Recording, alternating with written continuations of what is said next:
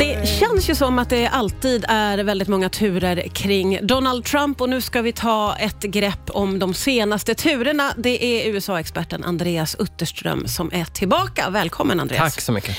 Du, eh, ja, bland annat så har han ju flera åtal emot sig. Vad handlar de om? Det är en ganska stor palett av olika saker. Det är väldigt svårt att hålla reda på dem också. Vissa är civilmål, andra är brottmål och sammanlagt är det över 90 åtalspunkter och det handlar om allting från att han har försökt påverka valutgången till att han ska ha fifflat med pengar. Ja, just det. Eh, och Han har ju nyligen dömts att betala 355 miljoner dollar. Vad handlar det om? Ja, det, där handlar det om att eh, Trumps företag eh, hade enligt domen eh, fifflat med bokföringen. Så att ibland så, så sa man att Nej, men, eh, det vi äger det är inte värt så mycket. Det sa man när man skulle betala skatt. Och så sa man om sam, samma innehav att det här är värt jättemycket när man skulle låna pengar på banken för att få bättre villkor. Mm. Eh, och eh, helt enkelt har eh, fifflat och fixat och trixat. Och Då kom domaren fram till att det är inget snack om att eh, eh, ni är skyldiga, så att Eh, Trump ska då betala nära 4 miljarder kronor och han har också fått näringsförbud. Alltså han får inte driva företag i New York i tre år. Och Då ska man tänka på att hela hans karriär bygger på att han är en framgångsrik affärsman.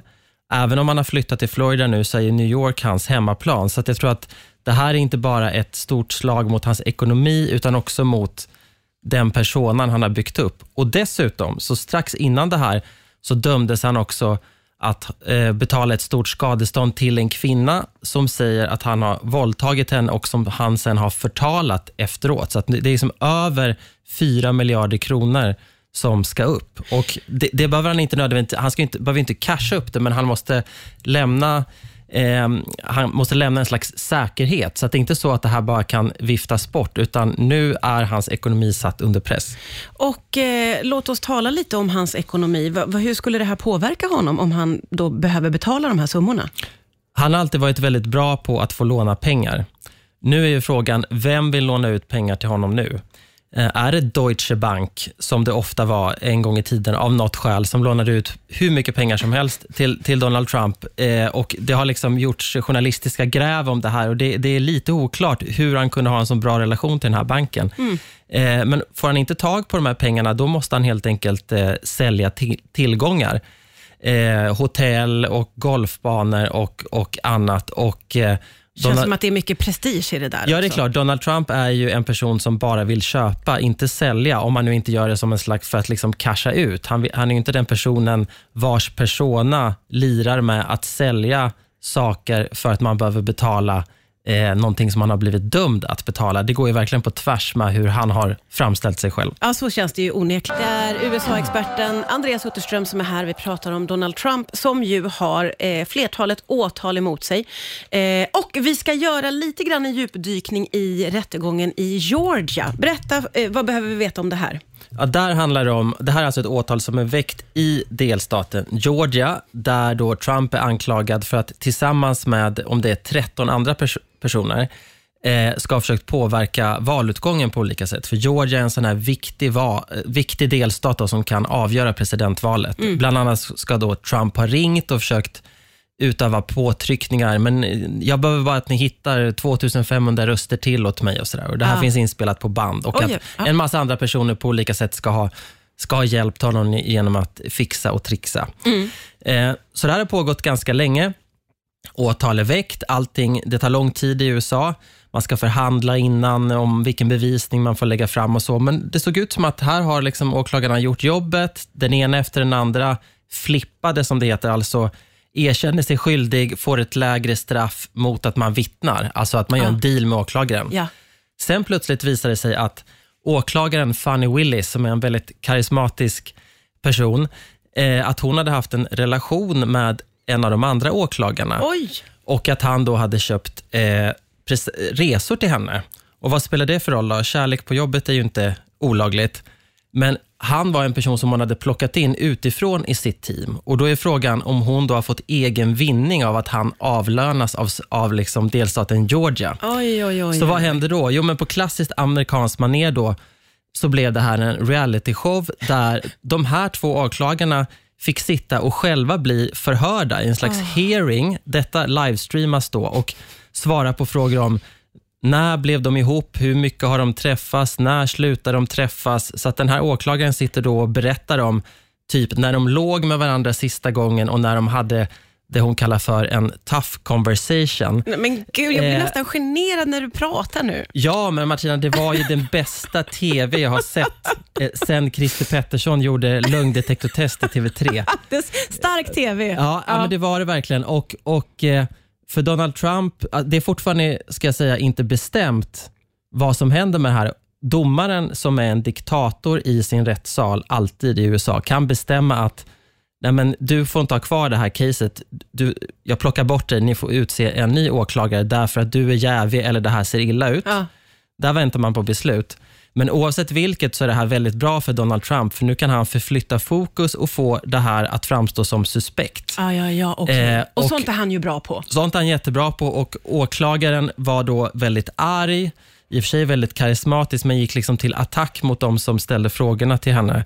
Eh, har fått beröm från många. Eh, jag tycker att hon gjorde bort sig därför att hon var så fruktansvärt ilsken och det hon har gjort nu är att hon har förflyttat fokus från det här starka åtalet till sig själv. Så Ja. nu är det en slags fight mellan henne och Donald Trump och det vet jag inte om det är särskilt lyckat. Nej, det låter ju inte som det. Vi ska prata lite om eh, Donald Trumps framtid. Det gör vi strax här på Rix FM. Det är USA-experten Andreas Utterström som är här. Vi pratar om Donald Trump. Och, eh, nästan ju mer du pratar Andreas, när man hör om alla dessa åtal och alla eh, de här svindlande summorna som han ska betala och allt som pågår. Hur påverkar det hans eh, framtid. För att eh, han kommer ju att bli Republikanernas presidentkandidat. Och det finns ju en stor chans att han vinner och blir president. Hur påverkar allt det här den framtiden? Man skulle kunna tänka sig, även om, låt säga nu att Donald Trump blir fälld för det här brottet vi pratade om innan, det här fifflet med pengarna, han blir dömd till fängelse, det kommer ju då överklagas och så. Eh, Men vi bara leker med tanken att han, han blir dömd till fängelse och sen vald till president. Det finns ingenting i lagen som säger att det inte funkar, men man förstår att det innebär vissa praktiska svårigheter och som alltid med Donald Trump är det obruten mark. Och en vanlig fråga som jag får är så här, men hur kan en person som, som har allt det här hängande över sig och som också gör allt vildare utspel om, om allt möjligt. Han sa ju för inte så länge sedan att ja, men om, om länderna som är medlemmar i, i, NATO inte, bet, inte betalar tillräckligt mycket, då skulle jag mer eller mindre göra tummen upp om Ryssland ville gå till anfall. och så. Han, han säger saker som hade varit helt otänkbara för vilken annan hög politiker i USA som Ja, helst. ja. Hur kan en sån person fortfarande eh, uppskattas av så många?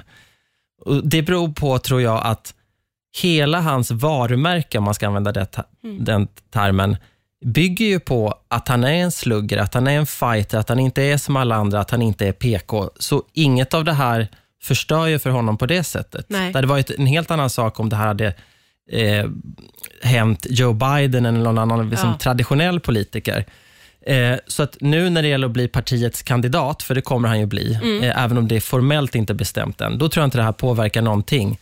Sen i november, när, när det då kommer stå mellan honom och Biden, om en eller två hjärtinfarkter inte kommer emellan, då är ju frågan, de här hur kommer de här eh, mittenväljarna att ställa sig till allt Trump har hängande över sig? Alltså, folk som alltid röstar men inte är jätteintresserade av politik, de kan ha röstat både på Obama och Trump. Mm. Och där tror jag inte att det är någon fördel att han skapar allt det här dramat. Alltså de som verkligen gillar Trump, de, de har köpt in på honom Ja, till de bryr sig 110 inte. procent. Men, Mm. men när det gäller de här som är hoppar lite emellan och, och som man brukar prata om eh, fotbollsmorsorna i förorten, då tror jag inte att det här är någon fördel. Så det kan mycket väl vara så att det som stärker honom nu på kort sikt kommer vara en belastning på lång sikt. Ja, men det finns inget eh, juridiskt som kan stoppa honom så.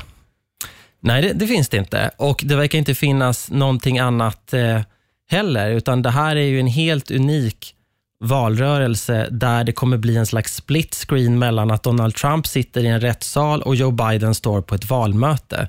Så att är man manusförfattare i Hollywood och skriver liksom politisk satir så får man svårt nu, därför att det här går liksom inte att överträffa och ingen hade väl kunnat föreställa sig ett sånt här scenario för bara några år sedan. Men, men nu är vi här och på något sätt så har ju Donald Trump bidragit med så mycket drama så att man har nästan, i alla fall jag, blivit lite avtrubbad och det är mer som att det här känns som en logisk fortsättning på allt som har hänt innan. Ja. ja, det är onekligen alltid mycket som händer kring Donald Trump. Tack så jättemycket för att du kom hit idag, Andreas Utterström. Tackar.